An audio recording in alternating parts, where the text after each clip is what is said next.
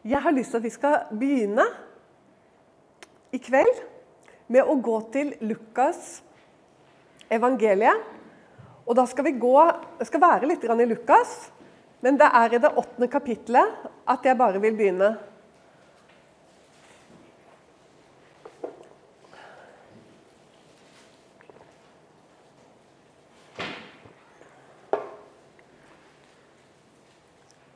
Og det er fra de første versene der at jeg bare skal lese litt til å begynne med.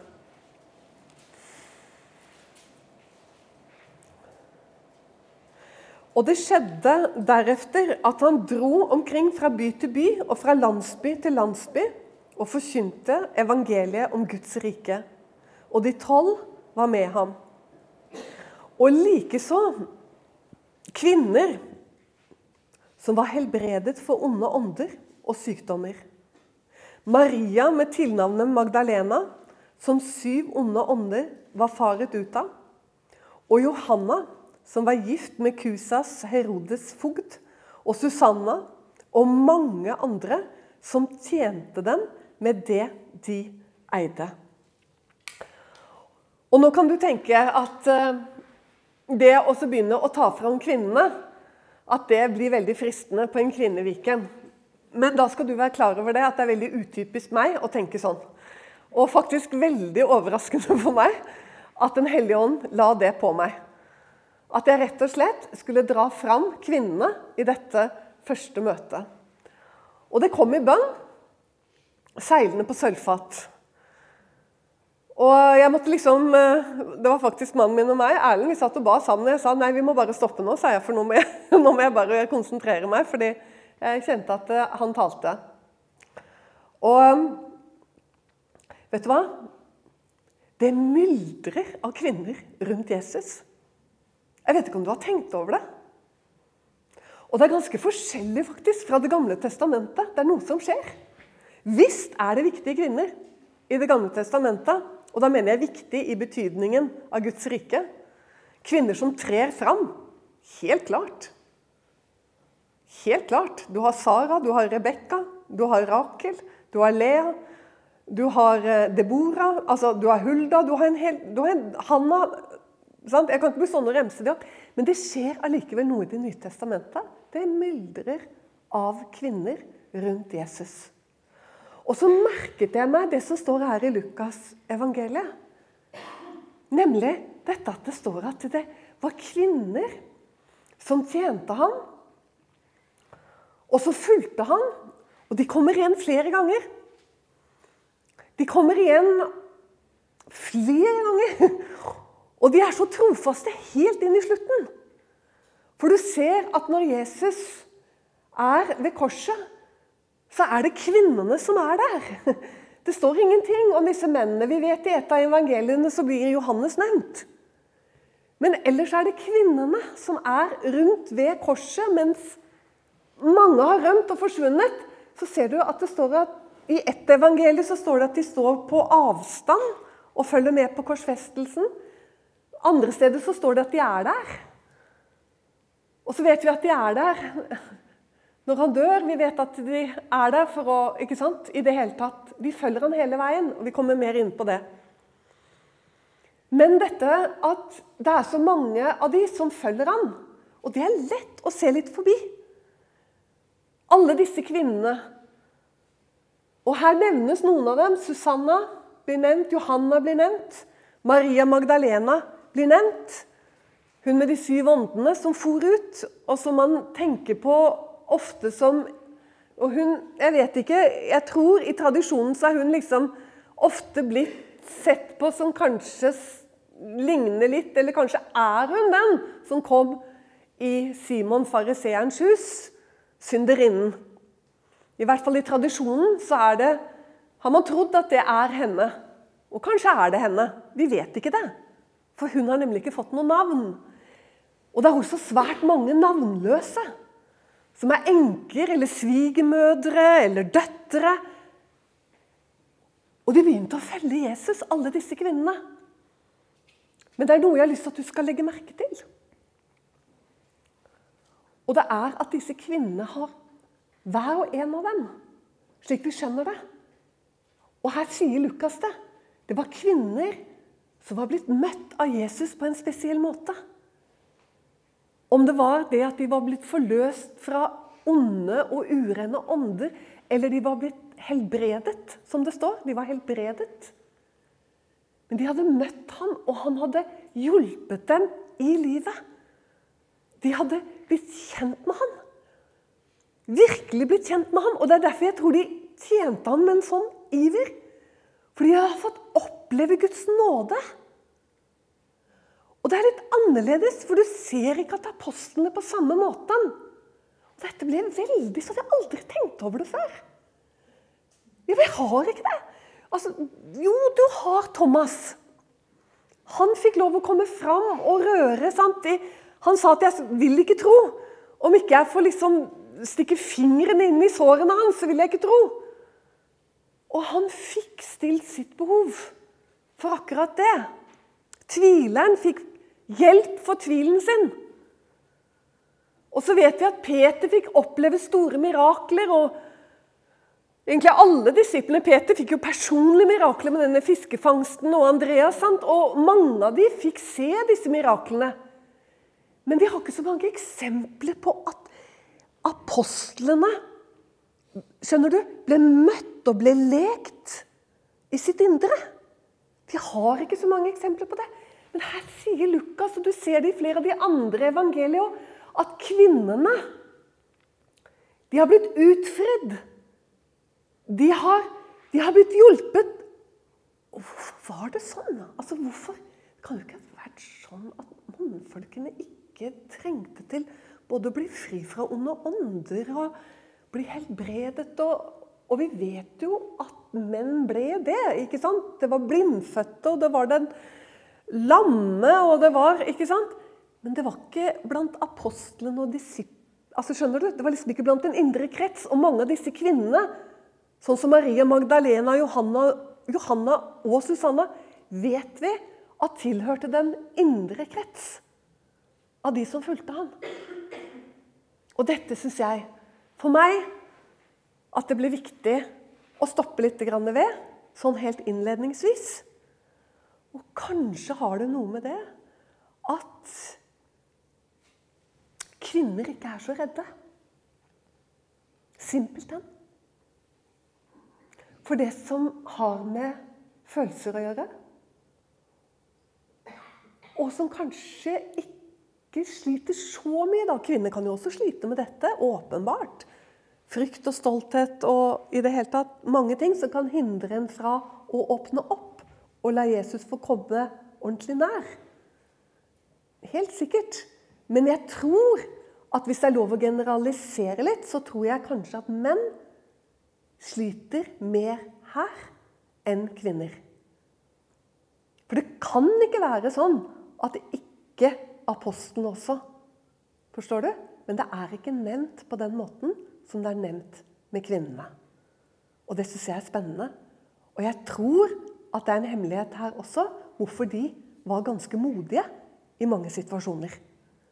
Blant annet, som jeg nevnte, ved korset. Så er de modige og etter korset så er de modige. For bare det å bli liksom identifisert som en Jesu Kristi disippel, det var farlig. Like før han ble korsfestet, var det spesielt farlig.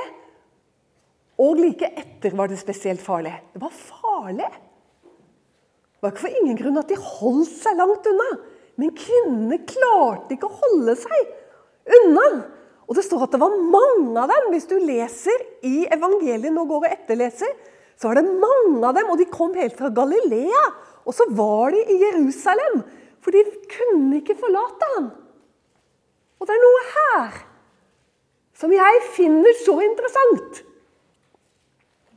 og som jeg vil at også du skulle få med deg her i begynnelsen av denne kvinneviken. La oss bare tenke litt hvor mye kvinner det er inni dette her. Helt ifra begynnelsen med Maria. Hun er da ganske modig, hun òg. Jeg tenker I forhold til en del andre kvinner som får store oppdrag, som kanskje ikke tar det sånn. Tenk på Sara, liksom. Og, og, og, men Maria, liksom Hva? Meg skje? Ikke sant? Sånn som du vil, liksom. Hun bare Hun er modig med en gang. Modig i tro. Med en gang. Og så har du Elisabeth, og så er hele dette med Jesus at Messias skal fødes. Det er en sånn hemmelighet mellom to kvinner i begynnelsen. Det er jo det. Det er en sånn hemmelighet mellom dem. Og der liksom verdens frelser og verdens konge og herrenes herre han kommer som en sånn hemmelighet mellom to kvinner sant, som møtes. Og det er ingen andre i hele verden som vet om det enn Maria og Elisabeth. Og, sant? og disse to fostrene inni magene deres som, eh, som på en måte, Det står i min gamle oversettelse at de springer av fryd. Det er fantastisk. Det var første gang hun sikkert kjente at det sparket og buldret. Når de to treffer hverandre. Fosteret sprang liksom av fryd inni henne. Jeg syns det er så spennende. Jeg syns det er så fint. Og så dere, Når vi kommer liksom til tjenestene, så, så dukker jo da alle disse kvinnene opp. Og når du begynner, kanskje rett og slett, for Jeg satte meg ned og begynte å notere litt. og Kanskje vi bare skal gjøre det. Ta oss bare litt tid til det. Bare sånn for at vi skal huske litt eh, sammen. Så tror jeg vi gjør det. Og så har jeg bare skrevet ned Maria, Elisabeth, Maria Magdalena, Maria mor til Joses og Jakob, og Johanna og Susanna og Salome. Og Peters svigermor og kvinnen, hun eh, som blødde så fælt. Som vi ofte snakker om som kvinnen eller bløderen eller hun med blodsått. Og så hva med datteren til eh, Jeg tenker hun som ble vekket opp igjen. Synagogeforstanderens datter. Hun var tolv år. Hun ble vekket til live igjen. Det var også en kvinne som ganske sikkert begynte å følge Jesus. Og hva med hun kanoneske kvinnen fra Libanon-traktene? Hun var jo helt fantastisk. Hun, hun, var jo en troende kvinne, for hun ropte 'Du Davids sønn'. ropte hun. Etter han, når han var helt oppe ved grensen til Libanon, så kom det en libanesisk-syrisk kvinne, står det, som begynte å rope, disiplene sa 'Skill deg av med henne'. Ikke sant? Dette var jo de som jødene mest skydde. Det var de kanonittiske. Det var disse eh, føniske, eller de som kom fra det området som i dag kalles for Libanon. Dette, dette var jo liksom det som jødene virkelig skydde disse folkene. Og det, disiplene skill deg av henne! Hun går og roper etter deg! ikke sant? Og han er ganske utrolig når han snakker til henne. Men det er klart han stopper, for han hører Du, Davids sønn, hun er så modig! Sånn? Og hun gir seg ikke. Hun går etter ham. Og så sier han det er ikke pent sier han, å ta maten fra barna og gi det til hundene. Jeg sier så, liksom, Åssen er det du snakker? Altså Som hun er en hund? Men det var jo sånn jødene nesten så på dem. Og så hun sier ja. Så kommer dette. Hun gir seg ikke. ikke sant? Men så er hun sånn tro hos henne.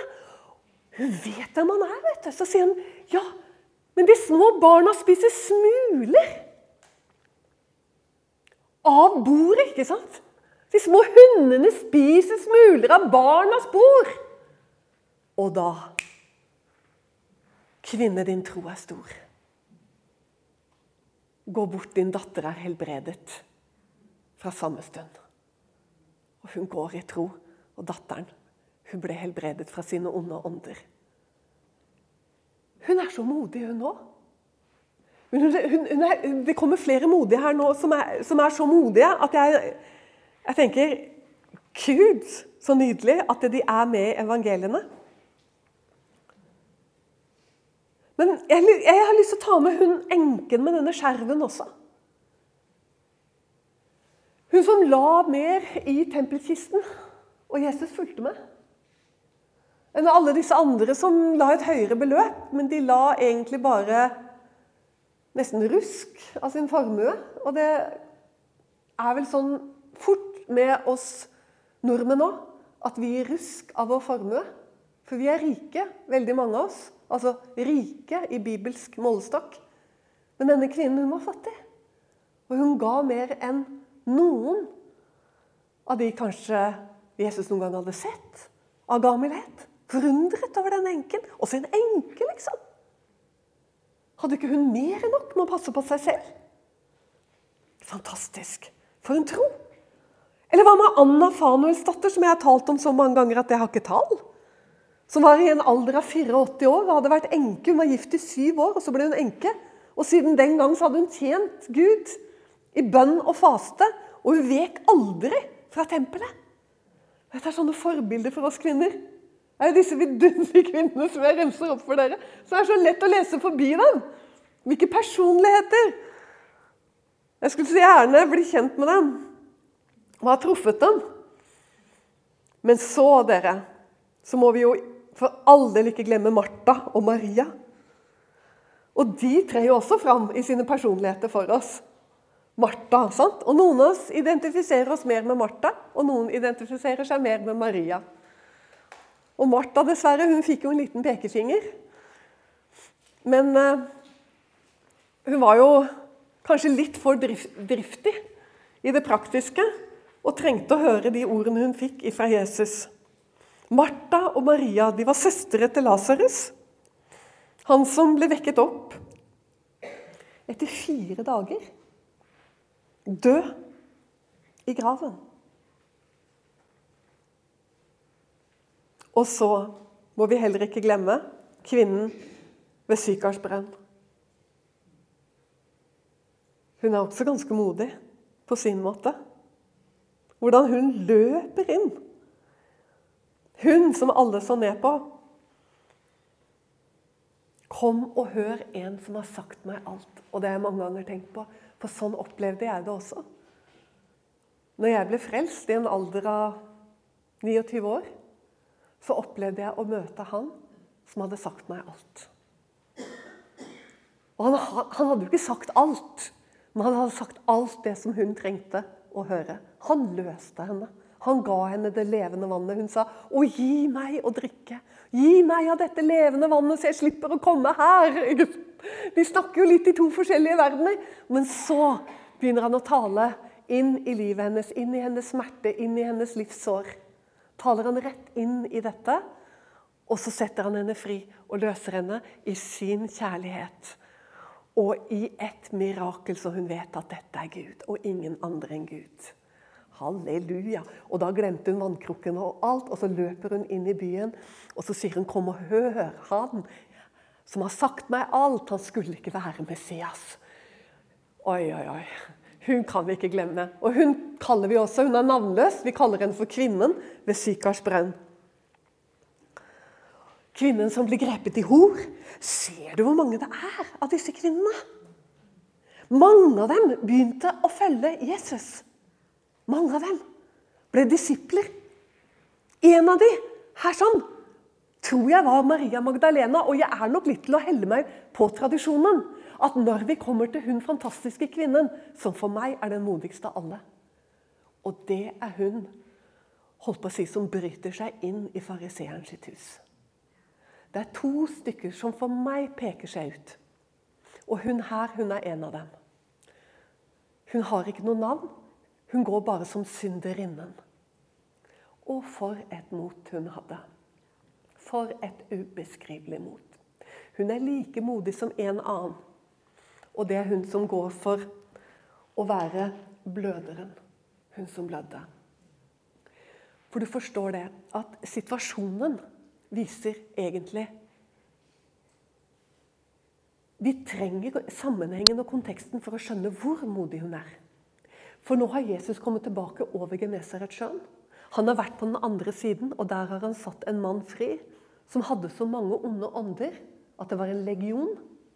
Og som for i grisene, så 2000 griser tok selvmord. Kastet seg ut over klippen. Da kan du tenke deg hva som plaget den mannen. Så det er jo ikke det at ikke mennene trengte å bli satt fri, for å si det sånn. Nå er han kommet tilbake igjen til Tiberias Campernaum-område et eller annet sted. Og der kommer det en desperat mann. Og det er synagogeforstanderen. Og han er desperat fordi hans eneste barn Han har en datter. Og det er hans eneste barn, og hun ligger nå på dødsleiet. Han er desperat. Han er synagogeforstander, så dette er ingen hvem som helst. Så han har gått over noen grenser selv med å begynne å gå etter Jesus, som er så foraktet iblant fariseerne og blant hva skal du si, synagogeforstanderne. Men han er desperat, for hans eneste barn ligger for døden. 'Jesus, kom og hjelp meg, min datter!' Sant? Og Jesus går ved han. Og folkemengden forstår vi også ut ifra konteksten. De er mange. Og de trenger seg rundt han, og de trenger seg på han. Og så står det plutselig om at det var en kvinne der. Som hadde lidd av blodsott, står det i 1930-oversettelsen. Men du skjønner av sammenhengen at det er ikke direkte blodsott, kanskje. For hvis det var difteri hun leda, så hadde hun vært død for lenge siden. Men hun, hun blødde. Det var en blod, blodskilde ikke sant, i henne. Hun blødde ifra sin livmor. og hun kunne ikke slutte å blø, og hun hadde blødd i årevis. Og det fryktelige med å være jøde og blø, er at du er konstant uren. Du er konstant uren. Du er kanskje klar over det. Sånn er det den dag i dag blant jødiske menn. At de kan aldri ta deg i hånden. Sånn at Hvis du kommer til en sammenheng hvor du skal på en måte hilse og du ser deg jødiske menn der, så må du ikke strekke fram hånden din. Fordi de har ikke lov å hilse på deg. Årsaken til det er at de kan ikke vite om du er ren eller uren. Og hvis du er uren, så kan ikke de ta på deg. Jeg gjorde denne bommerten en gang. Jeg fikk bare lyst til å fortelle det, bare sånn for å gi litt tilbake til jødene når jeg kommer med dette strenge. For Jeg skulle intervjue en soldat i Jerusalem. Det var når jeg jobbet som frilansjournalist. Og Så skulle vi møtes på en kafé, og så ser, ser jeg han med en gang han sitter på et bord der og venter, og så reiser han seg opp og går mot meg. Og jeg ser jo ikke sant, at han har både disse duskene ikke sant, og snorene og greier utenpå uniformen sin. Så jeg, jeg, burde jo med en gang skjønt at jeg ikke skal rekke fram hånden. Men vi er jo så vant til det. Så jeg rekker fram hånden, og så tar han hånden min. Og idet han tar hånden, så skjønner jeg og sånn sa jeg liksom, 'Å, beklager', sier jeg. sant? Og han 'Nei, nei, nei, nei, nei jeg, er ikke, jeg, er ikke, jeg er ikke rigid. Jeg er ikke etter loven. Jeg er ikke etter bokstaven', sa han. Han sa det. 'Jeg er ikke etter bokstaven', sa han. 'Hva mener du', sa jeg. 'Nei', sier han. 'Etter loven, slik jeg forstår den, så er det verre å gjøre deg skamfull enn at jeg tar en sjanse', sa han. Så det var jo nydelig sagt. Sant? Så han uh, forsto ånden i loven, som er kjærligheten. Sant? At kjærligheten til meg, at ikke jeg skal skjemmes, er viktigere. Men altså, her ser du hvor viktig dette er. Sånn at, og på den tiden, hvis du blødde konstant, så var du så var du alltid isolert. Hvis hun hadde mann, så kunne aldri mannen ta på henne. Han, de kunne ikke ligge i samme seng. Han kunne ikke klemme henne, han kunne ikke holde rundt henne. Ingen jødisktroende kunne holde rundt henne i henne en klem. Skjønner du? Ingen kunne ta på noe hun hadde tatt på. Ingenting! Hun levde sikkert veldig, veldig isolert fordi hun blødde. Alltid uren. Og hun hadde, Hvor lenge hadde hun holdt på? Var det i tolv år? Hun hadde oppsøkt leger. Hun hadde bare blitt verre. Det var noe sånt nå. Hun er desperat. Og se sammenhengen her nå. Synagogeforstanderen som går først. De har dårlig tid. Datteren ligger for døden. Mennesker Flokken er stor. Mange er rundt dem. Hun tar en kjemperisiko. Jesus går der med sine klær, sine lange kapper. Og hun kommer opp rundt ham. Antagelig mens han går. ikke vet jeg. Hun griper tak i fliket, står det i Lukas evangeliet. Hun tar i flik av kappene hans. Sikkert bare så vidt. I tro. Altså Hun får sånn tro at hun bare rører i den kappen. Og hun gjør det. Og hun tar kjemperisiko. Hun har ikke lov til å røre ved han. Hun har ikke lov å gå inn iblant menneskemengden, og hun gjør det. Det står helt spesielt at hun går inn iblant dem. Hun har ikke lov å være der. Langt mindre ta på kappen til en rabbiner med synagogeforstanderen. Skjønner du? Foran. Men hun gjør det. Og straks ble hun helbredet. Og så Jesus han merket at en kraft gikk ut av ham. Og han snur seg, og hun er livredd. Han sier, 'Hvem er det?' Hvem er det, sant? Og han sier jo ikke det. Hun tror. Sant? Så hun blir redd og kaster seg ned og forteller alt. sant? står det. Men han vil sette henne fri. Helt fri. Hun er lekt, men han vil gjøre mer. Han vil gjøre mer enn å lege henne. Han vil frelse henne. Han sier, 'Kvinne, din tro er stor.' Noe sånt nå. Sånn? Gå bort og vær helbredet for din plage. Og du, det er fantastisk. I samme stund tenker jeg, kanskje også denne kvinnen ble en av disse som var med til Jerusalem. skjønner du? Fordi han har rørt ved meg. Han frelste meg. Han leget meg. Han gjenopprettet meg. Han rørte ved meg. Det var disse kvinnene som var med hele veien, og som tjente han med det de hadde. Og som var der til og med ved korset, over graven. Og la oss nå se på Maria Magdalena. Hun som var så ufattelig modig. Jeg, har lyst at, jeg vet i tradisjonen så er hun synderinnen i fariseeren Simons hus. Selv om noen sier at nei, det kan ikke være henne fordi at hun fikk jo beskjed at hennes synd var tilgitt, og hun opplevde jo at syv onde ånder får ut av henne. Så, så tenkte jeg men det er da maken til å bli vanskelig. Liksom. Altså, det ene kan jo ha skjedd da, og det, noe annet. altså, det kan ha jo skjedd, det står ikke om noen kvinne hvor Jesus driver ut syv onde ånder, men det står at det har skjedd med Maria. Men vi får ikke vite når det skjedde. Forstår du? Så jeg tror det er hun. For dette er noe med at du blir litt kjent med henne i det motet hun har. For hun er altså så modig, for hun her er beryktet. Hun er liksom Alle der inne hos Simon vet hvem hun er, og alle vet det. Og Simon sitter og tenker. Sitt! Og hun kommer altså inn i huset hans. Bare det at hun går inn over dørterskelen inn til denne mannens hus. Hun har ingen rett til å gjøre det. Hun har ikke rett til å bevege seg inn mot det huset i det hele tatt. Men hun går inn i huset. Og hun kaster seg ned ved føttene til Jesus. Og der ligger hun og hylgråter ved føttene hans. For vi kan bli litt sånn der, Ja, hun kommer og tørker altså, Vi kan bli litt sånn religiøse, vi har sett det. Og har lest mange ganger. Hun ligger der med sitt lange hår. Å, tørker håret hans! Tørker føttene hans med sitt vakre hår. ikke sant? Vi, vi lager sånn greie på det. da. Men se, Det er jo ikke det dette handler om. Det handler om et desperat menneske. Som braker inn dørene der. Det er det som er sannheten. Så, det, så Simon får ikke tid til å kaste henne ut engang. For bare det at hun er der, er helt fullstendig uhørt. Men hun kommer inn med et brak, kanskje. Og hun hiver seg ned ved føttene hans, og hun gråter. Hun må Hun må treffe Jesus! Jesus! Sant? Og hun gråter. Og det er sånn hengivenhet og en sånn kjærlighet til han. Det er bare så nydelig. Skjedde det før han drev ut de onde åndene, eller skjedde det etter? Jeg tenker kanskje at det skjedde etter. At det er en sånn takknemlighet og et, sånn, et hjerte som strømmer over. Av kjærlighet og takknemlighet, for hun ble virkelig fri. Kanskje visste hun ikke helt når de åndene for ut, hva som virkelig hadde skjedd med livet hennes. Men kanskje etter at alle disse onde åndene kom ut av henne, så var hun helt løst, helt fri. En ny skapning. Og i takknemlighet til det så bryter hun seg inn i Simon fariseerens hus og bare gråter all sin takknemlighet. Kanskje er det det hun gjør? Eller kanskje gråter hun over sin synd og det livet hun har levd. Fordi Jesus sier dog til henne, 'Kvinne, dine mange synder er deg tilgitt.' Tenk deg. Den som er mye tilgitt, den elsker mye. Og det er det Simon får høre. For han tenker, han sitter og tenker, vet du. Han er så fariseer.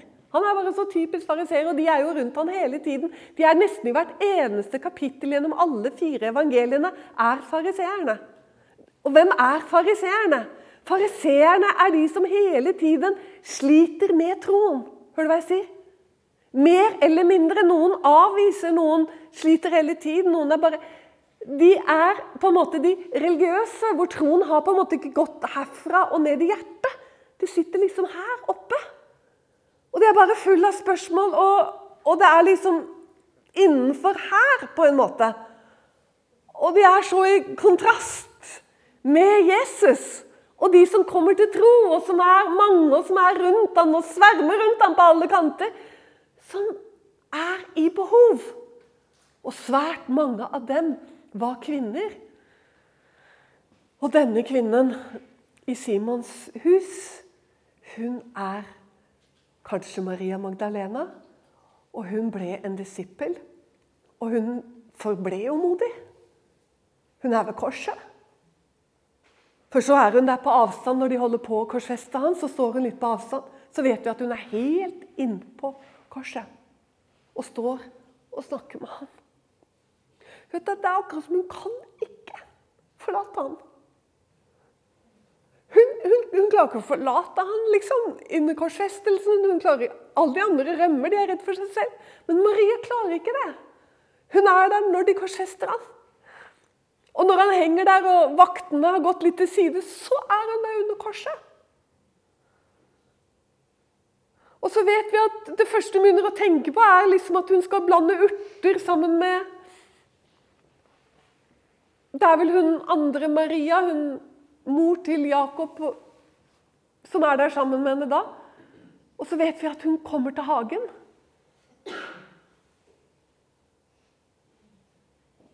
Hvor modig hun er. Hvor modig hun er.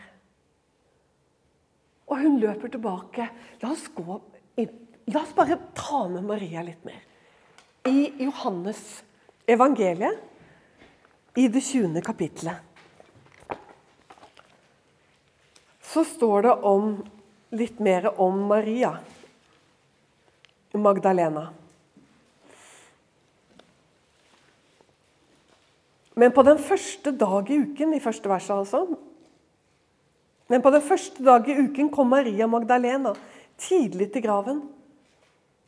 Mens det ennå var mørkt, og hun så at stenen var tatt bort fra graven. Hun løp da av sted og kom til Simon Peter og til de andre eller til den andre disippel, han som Jesus elsket. Det er litt morsomt av Johannes. Jeg synes det er så fint at han sier sånn. Og sa til dem, 'De har tatt Herren ut av graven.' Det som er så skjønt med Maria, det er liksom det derre Det som er hos henne, er at hun må være med ham. Det er liksom ikke det 'skulle han være oppstått', på en måte, eller, sånn. men det er mer det 'de har tatt han'. For hun kommer for å være hos han. Og det merker du senere også, så kommer det igjen. Og da løper jo Peter og Johannes og de løper inn ikke sant, mot graven, og de går inn i graven og de ser at det er sånn, de ser linklærne og svetteduken og alt dette som ligger der. På et sted for seg selv. Og så står det at De forsto ennå ikke Skriften at han skulle oppstå fra de døde. Og så står det at disiplene gikk da hjem igjen. Og du skjønner det, også her tror jeg at det handlet om litt frykt. Det må ha handlet om litt frykt, for du vet at soldatene er i området her. Og jeg tror ikke de hadde lyst til å oppholde seg veldig lenge der. For de var jo så redde for å bli identifisert med han. Bare tenk på dem, hvor redde de var rundt dette at han ble tatt. og, ikke sant? Frykten for å bli identifisert med han. Det er jo ikke noe mindre nå. Så de går dit, de ser dette her, og så drar de igjen. Det er slik Johannes forteller det. Men Maria blir igjen. Altså Det er dette her standhaftige Både motet og avhengigheten til Maria. Det er en avhengighet, og så er det et mot som kommer ut av den avhengigheten. Så hun, bare, hun blir der, og så er hun fortvilet. Og så titter hun inn igjen i graven, og da ser hun en engel sitte der. Og da gråter hun. Og så sier denne engelen, 'Hvorfor gråter du?' Hvorfor gråter du? Han er ikke her. Halleluja. Kvinne, hvorfor gråter du? De har tatt min herre bort. Er det ikke fint? Og jeg vet ikke hvor de har lagt ham. Det er derfor hun gråter. Da hun hadde sagt dette, vendte hun seg om og så Jesus stå der.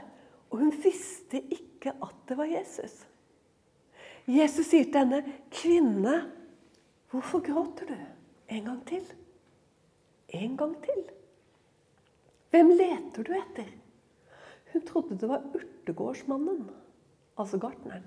og sa til ham, 'Herre, dersom du har båret ham bort, da si meg hvor du har lagt ham, så vil jeg ta ham.' Maria, Maria, du er så fin. Jesus sier til henne nemlig 'Maria'. Da vender hun seg om og sier til ham på hebraisk 'Rabbuni'. Hun er mester. Jesus sier til henne, ikke sant? 'Rør ikke ved meg', og sånn og sånn. Og Mag Maria Magdalena blir den første som forteller om Jesus sin oppstandelse, og som har sett han. Som har sett han med sine egne øyne og løper tilbake. Og mye av dette her, det vet vi, dere. Men det er dette motet. Kvinner. Det er disse forbildene av kvinner som var villige å stille seg selv både sårbare Altså, skal vi ha med Jesus å gjøre? Så er det noen fordeler med kanskje også vårt kjønn. Det vet jeg ikke. Vi er jo forskjellige som kvinner òg. Men det jeg skal si, er en fordel.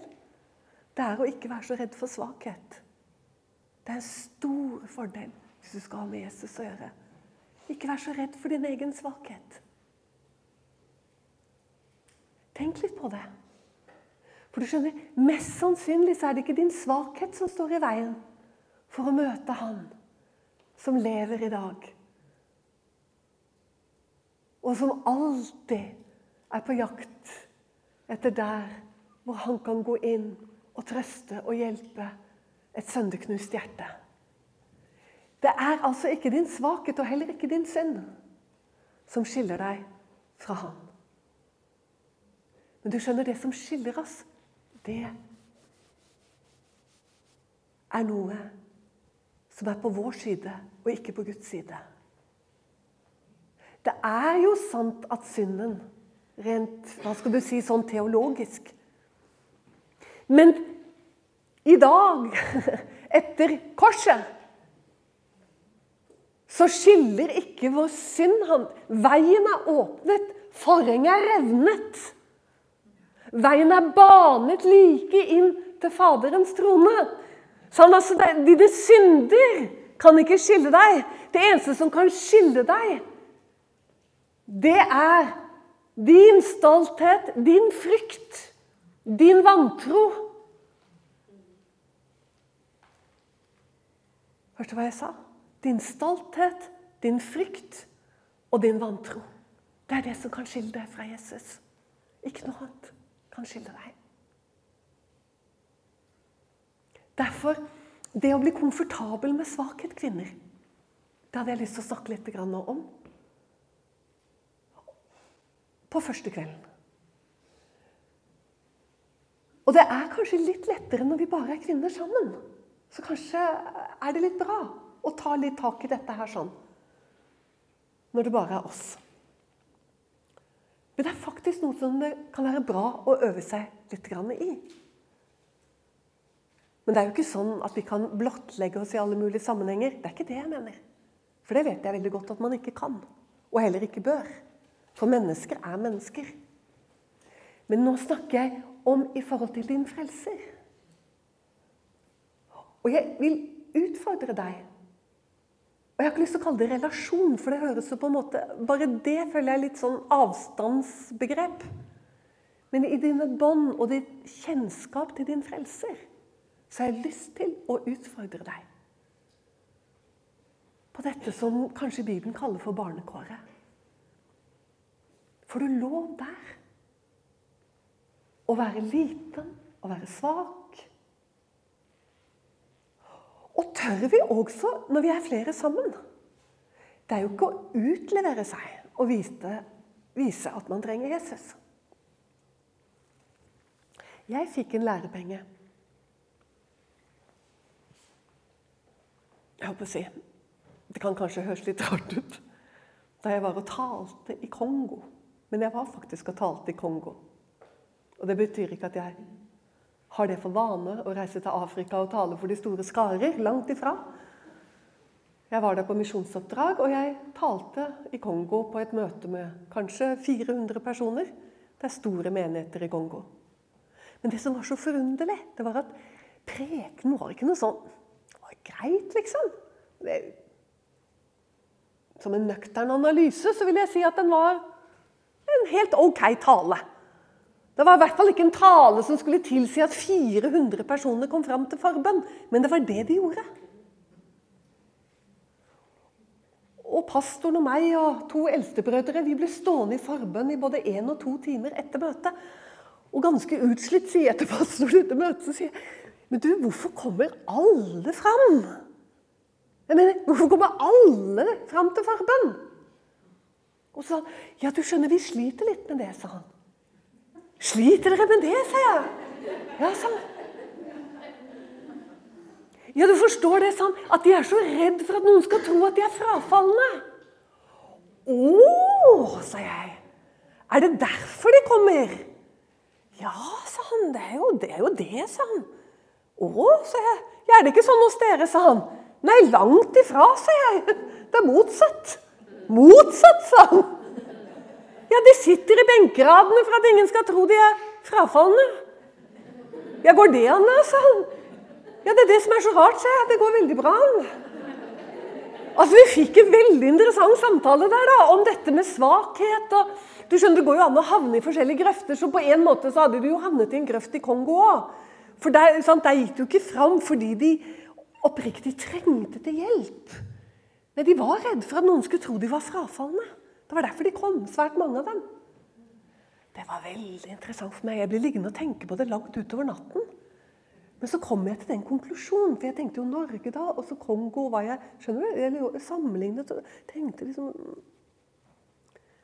Men så kom jeg til den konklusjonen at Kongo har rett.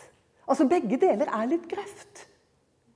Men allikevel, hvis du skal si den som er mest i grøften, da, så kommer jeg til at i Norge er vi mer i grøften enn Kongo. For Kongo har skjønt noe veldig viktig. Og det er denne avhengigheten til enhver tid av ham. Og det tror jeg vi kommer mer inn i kanskje videre ut i denne helgen. Men nå hadde jeg liksom bare mot avslutning nå, så har jeg bare lyst til å Dette å tørre Vet du hva, Det er utrolig viktig. Jeg har møtt en del kristne som sier til meg at og Eva, du er så heldig, du har så mange vitnesbyrd. Gud har gjort så mye rart og fantastisk i livet ditt. Så hvis jeg tenker, ja, men har ikke du det, da? sier jeg. Nei. Men ikke tull, da, sier jeg. Nei. Men hvorfor ikke det, da? Nei, jeg vet ikke. Jeg har alltid vært frelst. og... Nei, du skjønner, Jeg har jo alltid kjent Jesus, og jeg takker Gud for at jeg er bevart. Ja, Det er jo flott, sier jeg, at du er bevart. Ja, Men hvorfor har du ikke noe vitnesbyrd? Da? Gud må jo ha grepet inn i livet ditt liksom, både én og to ganger. Og... Ja, jo da, men hun hadde hørt om mange andre. Hun fortalte gjerne om dem. og sånn da. Så jeg måtte begynne å utfordre. Og hun måtte begynne å snakke med dette å tørre å bli svak. Du skjønner, Det kan ha med det å gjøre. Altså det, det å tørre å utsette seg selv for sårbarhet. Og du skjønner, Det er der jeg har vært ganske dum. Altså sånn, Egentlig klok, men også litt dum, da. Fordi jeg har stadig vekk på en måte tatt noen sånne ut av båten ut av båten skritt. Altså, Du må faktisk gå ut av båten. Altså, Hvis du bare vil sitte midt i båten, og alltid er en på høyre side og en på venstre side Altså, Jesus trenger seg ikke på, skjønner du. Han liksom dumper ikke opp i båten og liksom 'Nå skal du ut av båten.' Han gjør ikke sånn. Du må gå selv. Forstår du? Han kommer ikke opp i båten og kaster deg ut, liksom. Du må, du må faktisk gjøre det selv. Du må gå ut. Og så liksom si ja, jeg tror ikke Gud bryr seg så mye. Jeg har liksom ikke hatt, jeg har jo en sånn vitnesbyrd. Begynn å se litt på livet ditt. da. Hvis du liksom safer rundt på alle kanter, og så har du en gentleman som frelser, så, så er det veldig lett å si at én pluss én er to. Du har egentlig eh, kanskje mye av svaret her.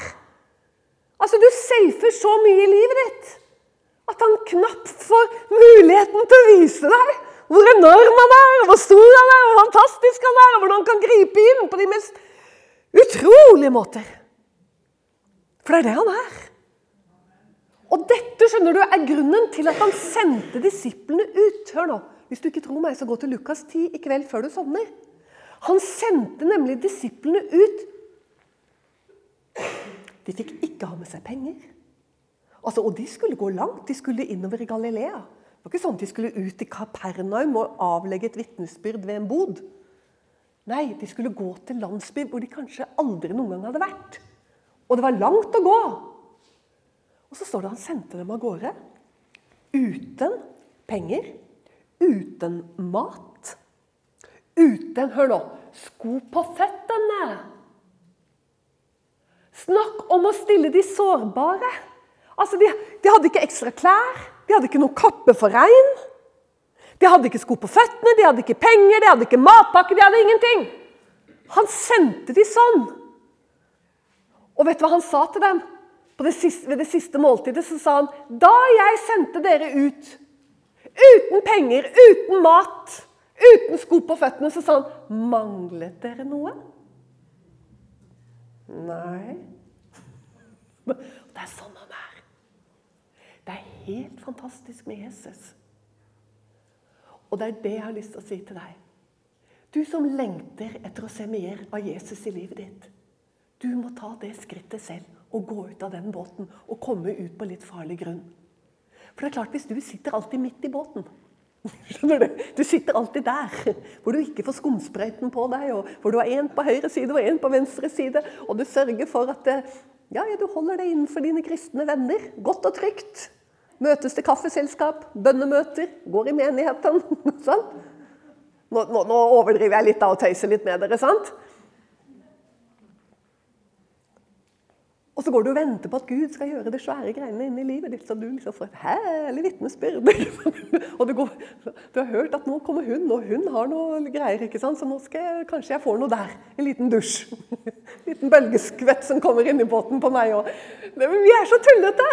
Vi må simpelthen gå ut av den båten. Men da sånn, så får du lov å prøve deg. Det er ikke sikkert du skal gå på vannet med en gang. Men du får lov å prøve deg litt og gjøre ting hør nå, som gjør deg litt ukomfortabel. Forstår du?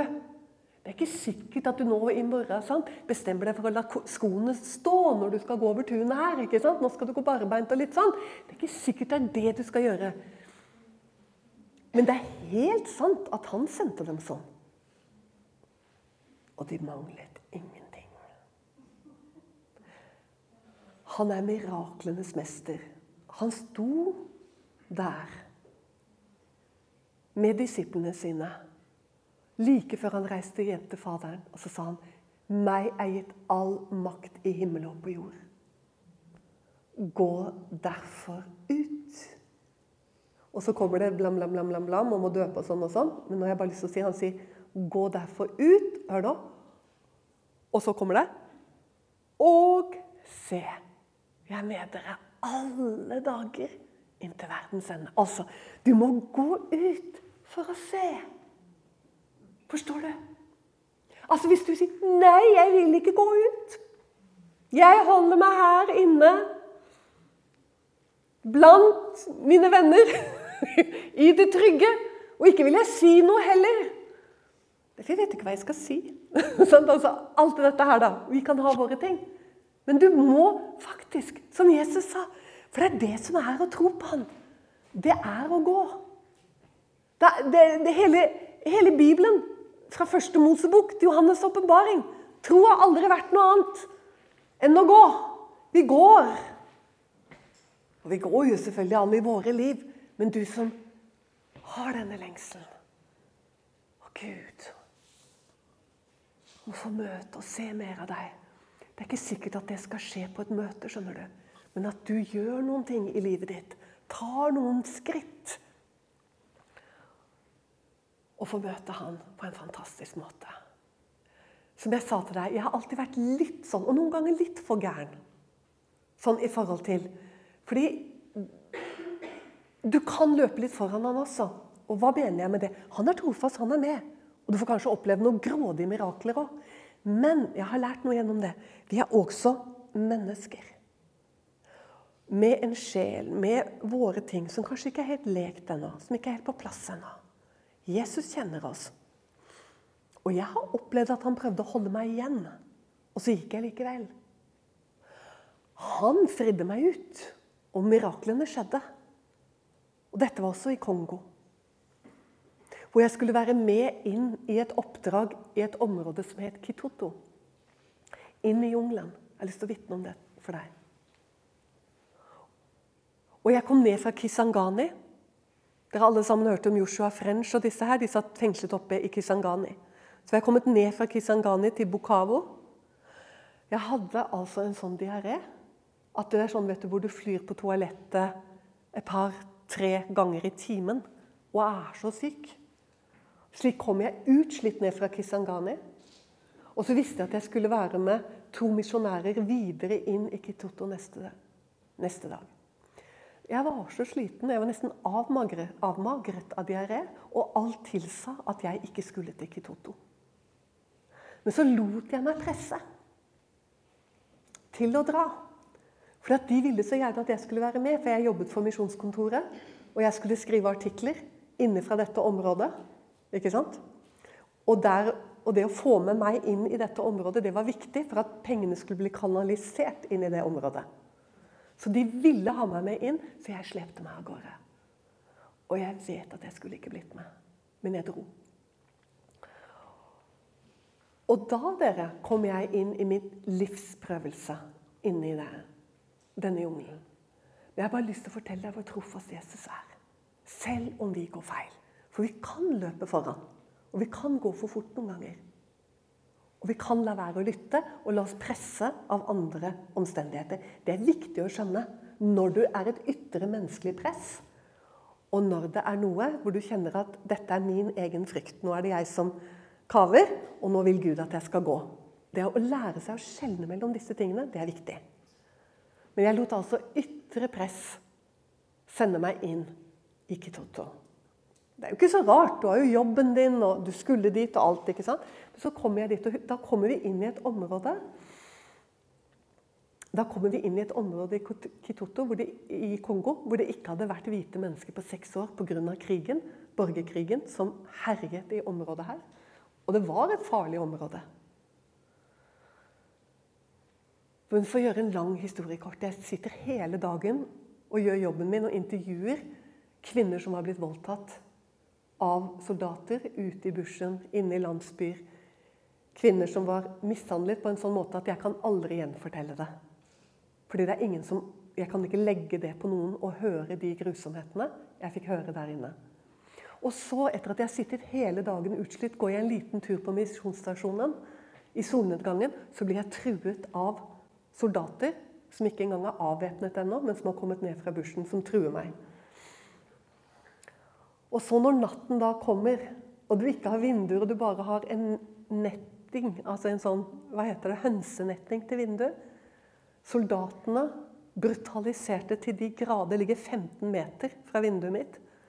Og ettersom natten går på, så hører du brølene og skrikene fra denne soldatleiren, som tar helt av. Og du skjønner at hvis dette får fortsette, så kan det bli farlig. Og de har truet meg tidligere på kvelden.